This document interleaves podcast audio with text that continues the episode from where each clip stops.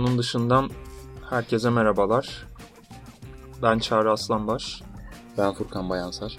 İkinci bölümümüzde karşınızdayız. Evet Furkan, geçen hafta ne yaptın?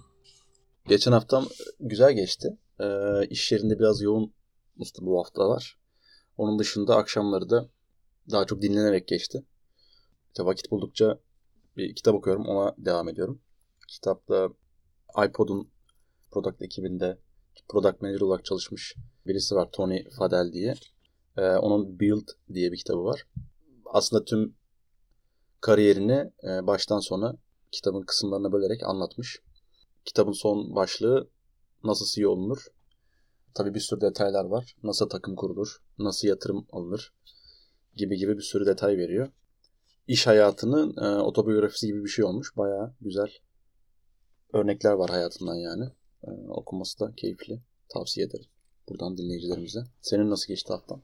İsveççe kursuna başladım biliyorsun. E, onların ders e, derslerine gidiyorum. Onun dışında ben de e, ilk bölümümüzün dinlenme sayısı sayfasını refreshleyip durdum. e, onun dışında çok da yaratıcı geçmedi hafta benim için. E, bugün seninle konuşacağımız iki ana konu var. Yine bir e, CEO ve sahip olduğu bir firma hakkında konuşacağız. E, Elizabeth Holmes ve Theranos. Bu konuyu seçmemizin sebebi de aslında biraz tesadüf oldu. Ben yakın zamanda bu şirketin hikayesini anlatan John Carreyrou isimli bir gazetecinin yazdığı e, bu şirketin birazdan bahsedeceğimiz skandallarını ilk halkla paylaşan kişinin kitabını okumuştum e, bu yılın başlarında. E, daha sonra e, geçen hafta da sen benimle bir haber paylaştın. Elizabeth Holmes'un davası sonuçlandı. Bu bölümde konuşalım istedik. Öncelikle kim bu Elizabeth Holmes? E, neden bu kadar e, popüler oldu bu aralar? Ondan bahsedelim. E, Elizabeth Holmes 19 yaşında Stanford'u yarıda bırakmış ve 2003'te kendi şirketini kurmuş. Bir Steve Jobs wannabe'si. Hatta öyle ki günlük hayatındaki kıyafet seçimleri bile Steve Jobs'un kıyafetlerine benziyor. Siyah giyiniyor. Sesini özellikle hayatı boyunca kalınlaştırarak konuşmuş. Hatta YouTube'da bir videoda bunu unutup sesi, sesin ince çıktığı bir bölüm var. Sonra hemen düzeltiyor. Aşı korkusu yüzünden e, acaba kan testlerini çok fazla kan vererek yaptırmak yerine böyle bir iki damla kan vererek çeşitli kan testleri, analizleri yapacak bir ürün geliştirebilir miyim diye 2003'te Theranos'u kuruyor. Amacı her evde bulunabilecek, herkesin alıp ev evinde kullanabileceği ve bir sürü kan testi yapabileceği, bu kan testlerinin sonucunda ise kanser dahil birçok hastalığı önceden de fark edebileceği bir ürün geliştirmek. Aslında kulağa güzel geliyor. Sunny Balveni'nin de kulağına güzel gel- gelmiş olmalı ki e, o da bu yolculuğa e, onunla katılıyor ve güzel bir yatırım yapıyor firmanın sonuna kadar COO olarak devam ediyor Sunny Balvani. Elizabeth Holmes da CEO olarak devam ediyor. Bu ikili yıllar içinde 10 milyar dolar değerleme alarak e, yani firmaya 10 milyar dolar değerleyerek yaklaşık 1 milyar dolar yatırım alıyor. Çok all star bir yönetim kurulu ekibi topluyor. Bunların içinde eski yatırımcılar, eski politikacılar, eski Apple yöneticileri e, vesaire de var. İlk makinası 2005 yılında çıkan Theranos 1.0. Bu arada bu cihazların yapım aşamasını detaylı kitapta çok güzel anlatmış. Ayrıca e, bir sezonluk bir belgesel dizi de var. The Dropout diye. Biraz giriyor bu konulara değişik bir hikayesi var. Çok detaya girmeyeceğim ama e, ilk ilk cihaz bildiğin bütün laboratuvarı toplayıp bir kutuya koyup hadi buyurun diye e, ortaya çıkardıkları bir cihaz. İlk cihaz için aslında kötü değil fakat bunu yap- yapan ekip çok hızlı bir şekilde çıkarıyor ve o yüzden çok çok başarı oranı düşük bir cihaz. Daha sonra şirket içerisinde farklı bir ekip toplayarak hatta bu iki ekibi çok da aynı ortamda tutmamış. İlk cihazı yapan ekip diğer ekibin yaptığı bu cihazdan sonradan bu planından sonra, sonradan falan farkına varmış. Edison diye bir cihaz ortaya çıkartırıyor 2007 yılında. Tabi bu cihazın da başarı değeri kan sayımı vesaire verdiği sonuç başarı oranı yine düşük çıkıyor. O cihaza Edison isminin vermesinin de bir hikayesi var galiba değil mi? Edison'un ampulü bulmadan önce 10.000 deneme yaptıktan sonra 10.000 birinci denemesinde ampulü keşfetmesi. O da sürekli bütün deneylerin fail etmesinden sonra bu başarılı olacak gibi bir elde bir motivasyonla böyle bir isim koyuyor. Evet. İs, isimde bile bir dolandırıcılık var yani. Tabii bu sırada sürekli yatırım almak, e, sürekli para harcamak yetmiyor. Biraz da bu ürünü satması lazım. Değişik bir yelpazesi olduğundan bahsetmiştik yönetim kurulunun. Bunun sayesinde e, hem Amerika'nın meşhur e, eczane zinciri Walgreens'e hem de orduya bile bu cihazı satıyor. Walgreens'le olan anlaşması çeşitli şubelerinde pilot olarak cihazı koyup oradaki müşterilere gelin gelmişken kanınızı ölçelim diye Theranos cihazlarını hatta Walgreens'e özel daha da iyi bir cihaz geliştirecekleri vaadini veriyorlar Mini Lab diye. Fakat bu e, yetişmiyor. Bunun için benchmark cihazlarla test yapacak kadar e, bir, bir dolandırıcılık süreci başlıyor. Kitapta yazıyordu hatta insanlar oraya gidip kanını veriyor. Arka odada bu kan alınıyor ve benchmark cihazda işte Siemens e, mesela bu, bu söyleniyor Siemens'in kan ölçüm cihazında hmm. ölçüm yapılıyor ve onun oradan çıkan sonuç e, sanki e, Theranos'un cihazıyla ölçülmüşçesine oradaki müşteriye veriliyor. Bazen kendi cihazlarından da, da, da alıyorlar fakat e, bir iki damla değil daha fazla kan alıyorlar. Çünkü bir iki damla e, bu iş için yetmiyor. Oradan çıkan sonuçlar da artık %95 değil de işte %65 civarı sanırım bir doğruluk şeyiyle e, ölçüm yapıp sonucunu verip müşterileri gönderiyorlar. Zaten pilot bölge olarak seçilen bölgeler böyle eğitim seviyesinin çok yüksek olan yerleri değil. O yüzden oraya gidip e, kanı veren müşteriler diyeyim artık çok fazla da şüphelenmiyor. Bir şekilde devam ediyor. E, hatta bunun Walgreens tarafında anlatılan bir bölümü var kitapta. O da ilginç. Ya bu yol yol değil e, bakın yanlış şey yapıyoruz diyen yöneticilerin Walgreens'ten nasıl uzaklaştırıldığını falan tarafı da var. Anlaşma Her... yaptığı şirketi bile belki evet. etkileyecek noktaya kadar geliyor. Yani. Evet. Bu arada Elizabeth Holmes'un artık bir albenisi mi var diyeyim. Mutlaka iyi etkilediği biri oluyor. Hmm. E, satmaya çalıştığı ya da işte yatırım almaya çalıştığı gruplarda, şirketlerden. Manipülatif. Evet. Bir kadın diyebiliriz. Evet. Yani. Bunlardan birisi de zaten George Shultz. ABD'de eski bakan, eski politikacı. Bu Ronald Reagan zamanında sanırım Dışişleri Bakanlığı yapmış. Ve bu kişiyi özellikle yönetim kuruluna alıyor ve bu kişiyi çok güzel bir şekilde etkiliyor. Bunu birazdan daha detaylı anlatacağım. Daha sonra tabii şirket büyüyor ve genç bilim adamları, mühendisler almaya devam ediyor. Tabii Silikon Vadisi'nde de olduğu için Sağlık Alanı yeni Apple'ı olacağız mottoları yüzünden çok gençlerin e, mutlaka başvurup çalışmak istediği bir yer haline geliyor. Bu sırada iki kişi özellikle önemli. Tyler Schultz ve Erika Cheng.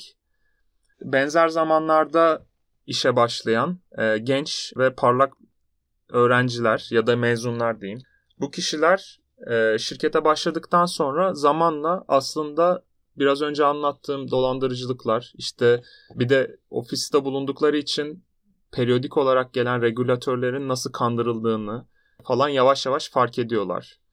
Biraz burada bir akıl tutulması da var. Çünkü fazla kişi çalışan bir şirket ve sadece sen mesela çalıştığın bir şirkette bir şeyden şüphelenince bir önce aslında kendinden şüphelenirsin değil mi? Hani yoksa bu kadar kişi var hmm. e, ortaya çıkarılırdı bir yanlış vardı denilirdi diye düşünürsün. Zaten kendileri de söylüyor. E, Erika e, TED konuşmasını izledim. Orada anlatıyor. Başta inanmadım. Bir, bir dönem kendini sorgulamış. Acaba insanlar haklı ben mi bir şeyleri yanlış görüyorum gibisinden. Burada bir de yarattığı şirket kültürü de e, çok eleştiriliyor. Hani bu skandalları saklamaya yönelik hmm. bir şirket kültürü. Yani departmanlar birbirlerinden tamamen bağımsız bir iletişim kurmadan çalışıyorlar. İnsanların birbirleriyle iletişim kurması olabildiğince kısıtlanıyor şirket içinde. Ve bu konuları insanlar konuşamayınca belki kendi aralarında kendilerinden daha çok şüpheleniyorlar. Veya hmm. bu gerçeği açığa çıkması bu kadar uzun zaman almasına sebep oldu bu kültür belki de. Şirketin içinde farklı lablar, farklı işte demin bahsettiğim iki farklı cihazın üretildiği farklı yerlere herkesin kartı her yere açmıyor. Sadece çalıştığı yere. E, şirkette yıllarca çalışıp ya o labda ne oluyor bilmiyorum şeklinde açıklama yapanlar bile e, oluyor sonra. Çok izole. Evet.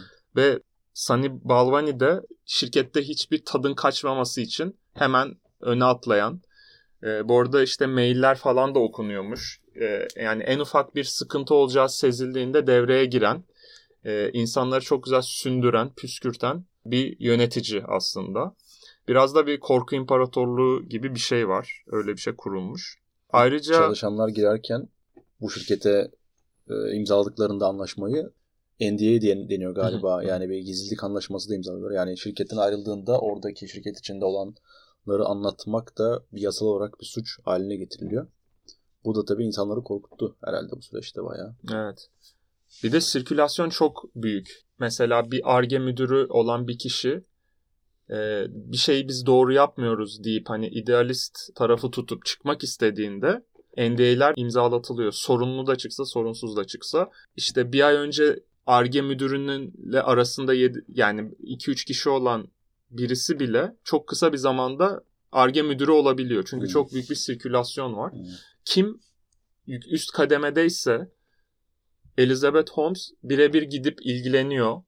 Bir aidiyet hissi yaratılıyor hmm. ve o kişi gerçekleri görmeye başlayıp çıkmak istediği zaman da NDA imzalatılıp postalatılıyor. Hmm. David Boyce diye çok e, ünlü bir avukatla çalışıyorlar. Biraz da onun korkusuyla. Yani en en haksız e, durumda bile e, davayı kazanacak imajı yaratarak insanları sündürerek, susturarak gönderiyorlar. Tyler Schultz ve Erika Cheng demin bahsettiğimiz e, biraz daha dişli çıkıyor diyelim. Bu şeyi anlıyorlar ve el ele vererek hani birlikte şey yapmaya başlıyorlar. Bu arada Tyler Schultz biraz önce bahsettiğim George Schultz'un torunu. Biraz da buna güvenerek Elizabeth'e bir mail atıyor. Yaptığımız yanlış. Burada bir dolandırıcılık var. %95 e, söylüyoruz ama %60'ları bile zor geçiyoruz. Erika'nın söylediği bir şeyde üç kere arka arkaya test yapılmış. Kendisi yapmış bir aynı kanda. Üç testin ilkinde kesin prostat kanseri çıkmış. ikincisinde yüksek risk, risk prostat kanseri. Üçüncüsünde ise normal çıkmış. Yani ben şurada bir makine yapsam hmm, yazı tura. Be, belki yine benzer bir şey yakalayabiliriz. Neyse Tyler mail attıktan sonra bir süre sonra Sunny Balvani'den cevap geliyor böyle bir üslup mu olur? Derhal özür dile. E, bu olay hiç hadi bak dedene hatırı var falan diyerek geri püskürtüyor. Yani üste çıkıyor. Daha sonra Tyler bunlarla mı uğraşacağım, sizinle mi uğraşacağım ya deyip işten ayrılıyor. Dedesinin e, hatırı içinde çok ses yapmıyor. Yani çok sıkıntı çıkarmıyor. Tyler'a NDA imzalatılmaya çalışılıyor ve Sunny önderliğinde ailesini tehdit etmeye kadar gidiyor. Çünkü NDA imzalamak istemiyor. Tabi Amerika'da işte eğitim, maddi yükü çok fazla. E, bu 20'li yaşlardaki gençlere üzerinize çullanan bir COO varsa aileniz de biraz e, tepki gösterebiliyor. Böylece Tyler'a ailesi baskı yapıyor. Ya imzala çık bu işin içinden. Tadımız kaçmasın e, gibisinden. Dedesiyle konuşuyor Tyler ve dedesi Elizabeth'e inandığını, bir yanlışlık olduğunu deyip yani dedesinden de bir e, geri püskürtme fırça yiyor. E, fırça yiyor. ver elini öpeyim şeklinde. Sonra NDA'yı da imzalamayıp bir gazeteciyle konuşma kararı alıyor. Kendi söylediğine göre bu süreçte kendisini takip eden tanımadığı adamlar olduğunu, e, hayatının biraz böyle zorlu ve korkulu bir şekilde geçtiğinden bahsediyor. Aynı şeyler Erika Chang için de geçerli. Onu da takip ediyorlar. Ama onun e, böyle bir dedesi de yok. Daha yalnız bir dönem geçiriyor ve bu durumdan çok daha kötü etkileniyor. Daha sonra bir cesaret edip e, zamanında regülatörlere e, kandırdığından bahsetmiştim. O regülatörlere e, Theranos sizi kandırıyor diyerek e, mail atıp fitili ateşliyor.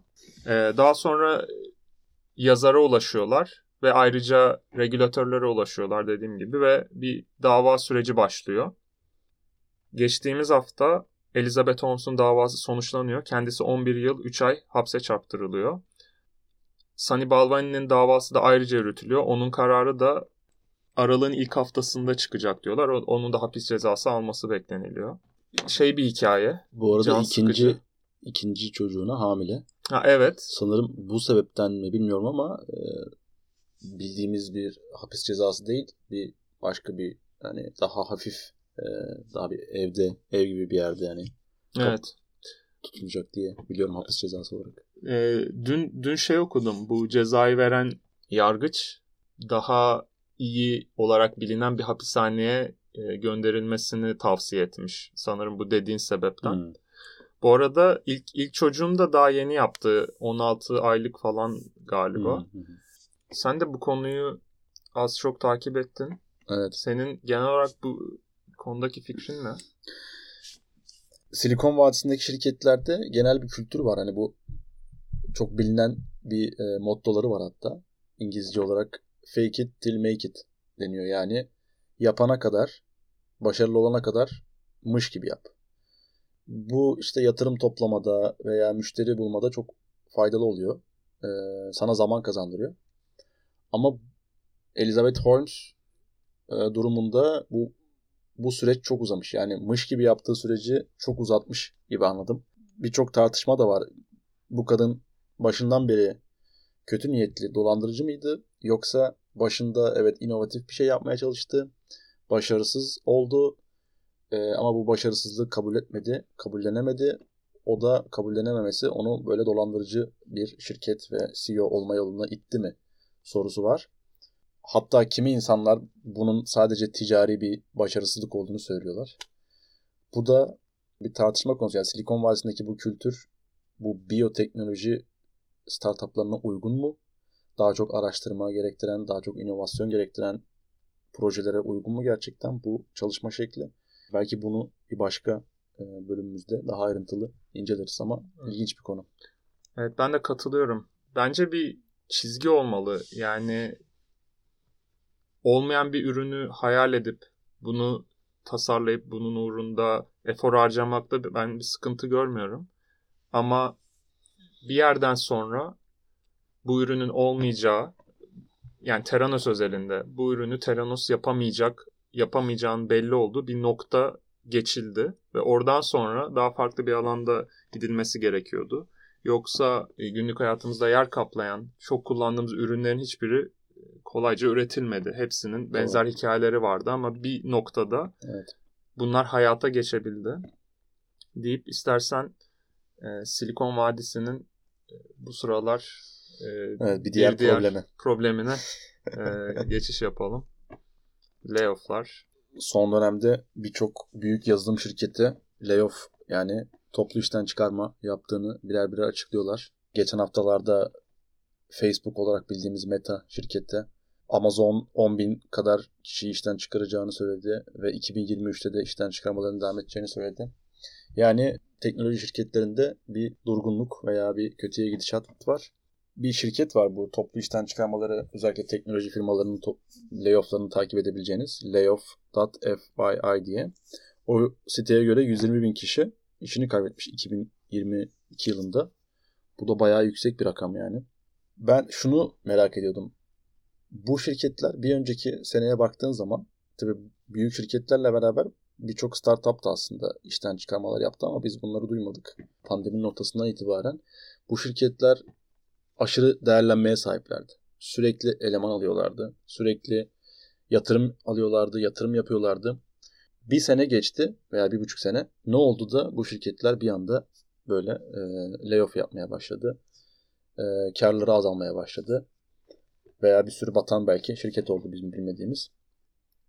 Hani bu, bu özellikle büyük şirketlerin devasa böyle finans departmanları falan var. Yani bunların bir sene sonrasını, iki sene sonrasını göremiyor olmaları veya görüp de enlem almamaları tuhafıma gidiyordu. Ama bu, bunun arkasında hani ne olabilir? Yani neden böyle bir şey oldu diye merak ediyordum. Bunun aslında işten çıkarmalar özelinde e, birkaç sebebi var. Birincisi şu anki enflasyon. Bunun enflasyonu tabii ekonomik bir sürü sebebi var ama bunun en büyük sebeplerinden biri pandemi döneminde karşılıksız para basılması. Bu piyasadaki para miktarını çok arttırdı. Ve ister istemez de bu enflasyona sebep. Ya bu herkesce bilinen bir şeydi aslında.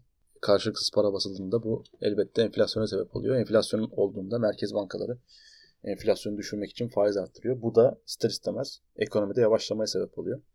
Bu gayet tahmin edilebilir bir şeydi.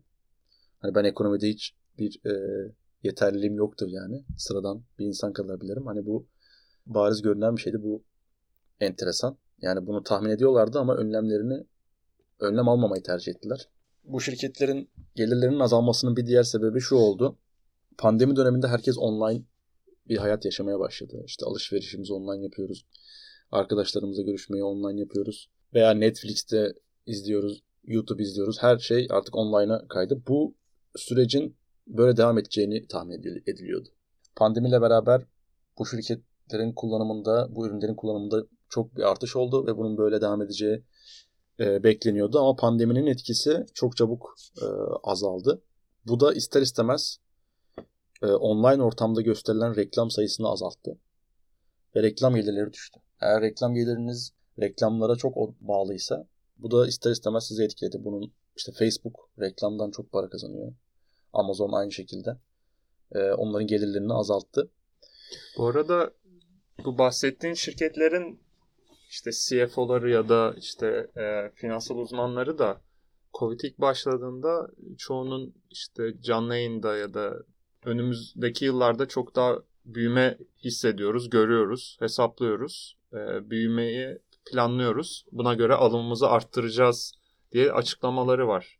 Covid'in yarattığı insanların evden yaşamaya başlaması, o yüzden dijital içerikleri daha çok tüketmesi e, vesaire işte Amazon'dan sipariş verip Netflix'ten film izlemesi, e, YouTube Premium'a geçmeleri vesaire. E, bun, bunlar bence en büyük sebeplerinden biri. E, reklam gelirleri düşmesiyle tabii şirketlerin mali olarak kötü etkiledi ve bu da tabii. Bir de şöyle bir durum var. Şirketler mali olarak zor duruma düştüğünde ilk akıllarına gelen şey tabii ki de yani giderleri kısmak. Bir şirketin en büyük gideri de genelde çalışan maaşları oluyor. En kolay yoldan gideri azaltmanın yolu da işten çıkarma. Genelde bu yolu tercih ediyorlar. Bu layoff'ların sebeplerinden bir tanesi de bu pandemi döneminde bahsettiğimiz gibi şirketlerin e, hyper growth denilen bir kavram var. Yani hiper büyüme e, yapması, çok fazla eleman alıp çok fazla yatırım yapması. Mesela Getir örneğinden düşünürsek sadece Türkiye'de e, olan bir ürünken Avrupa'ya açılıyorlar. Londra, Paris bunların hepsi e, hem iş gücü demek hem para demek, yatırım demek. Bu pandemi sürecinde fazla yatırımlar, fazla elemanlar da tabii e, hızlı büyüme layoff'lara biraz sebep oldu. Bu, bu tarz şirketler bir pozisyon açılır, bir proje vardır, bir e, elemana ihtiyaç vardır. Hadi ilan açalım, alalımdan ziyade bu büyük şirketler diyeyim. Teknoloji şirketleri daha doğrusu sürekli olarak bir devir daim ile sürekli olarak eleman alırlar. Daha sonra işe girdikten sonra o elemanın nerede çalışacağı falan aşağı yukarı o zaman belli olur. Sürekli bir alım vardır. Üst limit belirlemezler. Meta gibi şirketlerde sen işe girdikten bir ay sonra falan nerede çalışacağın belli olur. Hatta sen seçersin. Sanırım şu an öyle değil ama fikir olarak böyle bu hiper büyümenin e, sebeplerini düşünüyordum. Neden şirketler bu kadar her şeylerini ortaya koyarak büyüme yoluna gidiyor? Yani neden bunu daha yavaş ve ayakları yere sağlam basarak yapmak yerine bu kadar kontrolsüz bir şekilde büyüyorlar. Bunun en önemli sebebi şu olarak gözüküyor. Özellikle siz bir startupsanız, yeni şirket kurmuşsanız genelde bir e, sermaye ihtiyacınız oluyor. Ve bu sermayenin startuplar için en kolay bulma yolu venture capitalist dedikleri e, VC şirketleri. Yani bunlara risk sermayedarları diyebiliriz. E, bir şirket için, startup için en kolay para bulma yolu bu e, risk sermayedarlardan e, yatırım alabilmek. Çünkü yüklü miktarda yatırım yapabiliyorlar ve e, kısa vadede senden kar beklemiyorlar. Aynı zamanda mentorluk da sağlayabiliyorlar startup'ın için. Bu bayağı avantajlı gözüküyor. Network de sağlıyor. Network de sağlıyor. Bir startup için çok avantajlı gözüküyor. Ancak şöyle bir çalışma şekli var bu risk, risk VC şirketlerinin diyelim. Size yatırım yaptığında siz onların yaptığı tek yatırım yaptığı tek şirket olmuyorsunuz. Onlar aslında sizin gibi bir sürü şirkete yatırım yapıyorlar. Bu şirketlerden yaptıkları yatırımın geri dönüşünü uzun vadede bekliyorlar ama bu uzun vadede diyelim 10 farklı şirkete yatırım yaptı. Bu 10 farklı şirketin de çok hızlı bir şekilde büyüyüp hangi sektörde olurlarsa olsunlar marketi domine edecek şekilde büyümelerini istiyorlar. Ve bu şekilde 10 şirkete de büyüme baskısı yapılıyor. Yatırımcılar 10 şirketin başarılı olmayacağını biliyorlar. 10 şirketten bir tanesi başarılı olacak. Ama o kadar başarılı olacak ki, o kadar marketi domine etmiş olacak ki ona getirisi gelecekte çok çok daha fazla olacak ve o başarısız olan 9 kalan 9 şirketin zararını belki götürüp üstüne ona kar bırakabilecek. Yani riski dağıtıyor ve bütün şirketlere baskı yaparak karını maksimize etmeye çalışıyor. Çalışma şekilleri bu. Şirket sahipleri de biliyor, startup sahipleri ama böyle bir ekosistem oluşmuş vaziyette. Şirketler de buna yatırım aldıktan sonra e, dur diyemiyorlar. Bir de sen şirket kurdun, yatırım aldın ve yatırımcın senden büyümeni istiyor. Bunun için gerekli olan ortamı sağlıyor. Sen de büyürsün. Yani evet. aslında iki taraf için de win-win var. Hı hı. Fakat bahsettiğin gibi belli bir büyümeyi satılan ürün ya da işte e, satışlar karşılamayınca ilk sıkıntı çıkan taraf da yatırımcı değil ama hı hı. işte bu şirketin çalışanları oluyor. Aynen öyle. Bu ekosistemin de en aslında pembe dünyası bu işte faizlerin artışıyla beraber e, bitti diyebiliriz. Pandeminin son döneminde piyasadaki bu para bolluğu yatırımcılara da aslında bir baskı yaptı. Ellerindeki fazla parayı bir an önce yatırım yap, yapmak istediler. Şirketlere dağıttılar. 2020 yılında startuplara yapılan yatırım 300 milyar dolarken 2021 yılında bu 600 milyar dolara çıkıyor. Yani iki katına bir senede. Bu çok çok büyük bir rakam. Aslında bu artış bile hani bu e, balon diyorlar ya emlak balonu gibi. IT balonu da aslında patlamaya yakınmış yani. Gösteriyor bütün işaretler onu gösteriyormuş. Ha burada bir de bu yatırım sürecinde e, aslında hiç bu kadar yatırımı hak etmeyen şirketlerin çok çok fazla yatırım aldığını da görüyoruz. Yani o fazla para olması ve yatırımcıların e, bu parayı değerlendirme baskısı onları daha belki de yanlış kararlar verdiler ve ellerindeki parayı çok da mantıklı bir şekilde doğru şirketlere yatırmadılar belki. İşte burada scooter şirketi görüyoruz. 1 milyar dolar değerlenmeye çıkıyor aldığı yatırımla. Yani ne, ne değer getiriyorsun? Hani nasıl bir daha karlılığı bile ispatlanmamış bir sektör. Aynı şekilde Getir'in olduğu, işte Almanya'da Gorillaz'ın olduğu hızlı teslimat şirketlerin de hala e, karlılığı ispatlanmamış ama inanılmaz yatırımlar aldılar. Bu kötüye gidişatta en çok etkilenen de operasyon maliyeti var. Evet.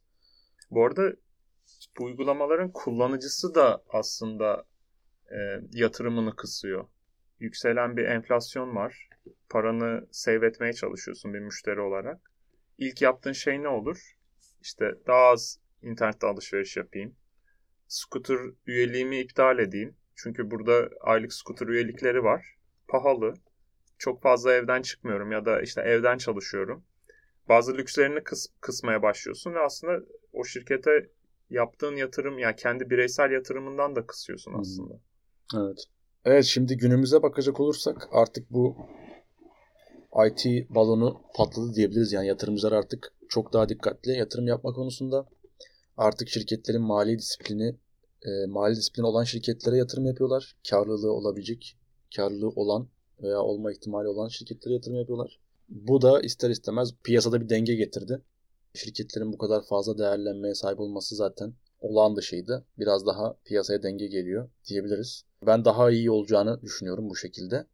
Ve daha kaliteli ürün geliştiren, karlı bir iş modeli kurmuş şirketlerin hak ettiği miktarlarda parayı daha rahat alabileceğini düşünüyorum. Tabii bir de şundan bahsetmek istiyorum.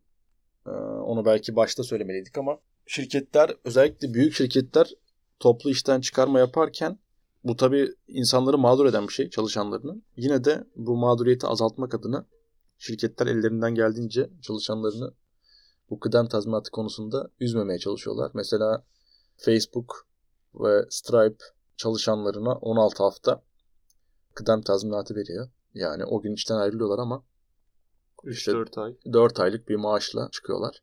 Bu da şunun için yine tabii e, şirketler hiçbir zaman e, bir şeyi karşılıksız yapmazlar. Bunun da en önemli sebeplerinden birisi yarın bu ekonomik daralma veya yavaşlama sona erdiğinde tekrar işe alım yapacaklar ve e, insanların o şirkete başvuru yapan insanların kafasında bir soru işareti olmasın ya yarın bir gün beni de işten çıkarırlar mı? Beni ortada bırakırlar mı diye. Bu da tabii e, reputation'larını e, düzgün tutmak için kullandıkları bir yöntem diyelim. Evet senin söylemek istediğin bir şeyler var mı? En basit şekilde düşünülen haliyle Covid başladı. İnsanların teknoloji şirketlerine yaptığı harcamalar arttı. Büyüme başladı. Bu büyümenin Covid sonrası daha da artacağı düşünülerek bir büyüme yaşandı. Daha sonra tabii bunda savaşın da etkisi var. Ondan pek konuşmadık ama hı hı. özellikle Avrupa ülkelerinde kışın e, bu işte yakacak e, elektrik vesaire gibi temel ihtiyaç maddelerinin de e, fiyatının artması özellikle İngiltere'de falan hem resesyonun olmasına hem de enflasyon e, artmasına sebep oluyor. Bu ikisinin normalde aynı anda artması biraz felakete de işaret olabilir. Hı hı. Biraz da o yüzden hı. E, layoff'ların daha da sert olduğunu düşünüyorum. Çünkü bu bahsettiğimiz firmaların en büyük headquarter'ları Amerika, daha sonra e, İngiltere, Londra oluyor. Hı hı. Orada bir sürü çıkarım oluyor. Bu şirketlerin Covid sırasında bu kadar büyümesini gösteren bir ipucu daha. Mesela Facebook'un 10 küsür bin kişi çıkardığından, Amazon'un yine o kadar kişi çıkaracağından bahsettik. E, bu şirketlerin bu kadar kişi çıkardıktan sonra geri kalan çalışan sayıları 2022'nin başındaki çalışan sayılarına tekabül hmm. ediyor. 10-15 yıllık hatta 20 yıllık şirketlerden bahsediyoruz. Hmm. Bu da ne kadar evet. e, son 1-2 yıl içinde ne, ne kadar büyüdüklerini e, gösteren bir başka örnek. Şimdi Amerika'da ilk kez resesyon açıklanmadı. Ee, önümüzdeki yılın ilk yarısında yükselen enflasyon sebebiyle tekrardan bir resesyon yaşanılacağı hmm. ve 2023'te de bu layoff'ların olacağından bahsediliyor. Evet. Bu ilk değil aslında. Yani 2000 Amerika'da 2008 yılında da 2001 yılında da benzer şekilde hmm. teknoloji şirketleri ekonomik krizden çok şiddetli bir şekilde etkileniyorlar ve işten çıkarmalar yapıyorlar. Hani bunun bir noktada artık süresini tahmin etmek zor ama 2-3 sene içerisinde toparlamaya başlayacağı tahmin ediliyor. Belki ileride bir bölümde startup kurmuş, yatırım konuşmalarını, yatırım görüşmelerini yapmış bir kişiyi konuk alırız da birinci ağızdan dinleriz bu süreçleri. Gerçek o da çok enteresan bir deneyim yani. Güzel fikir. Birkaç tane çağırıp e, Kaybedenler Kulübü özel bölüm olarak bir bölüm çekeriz.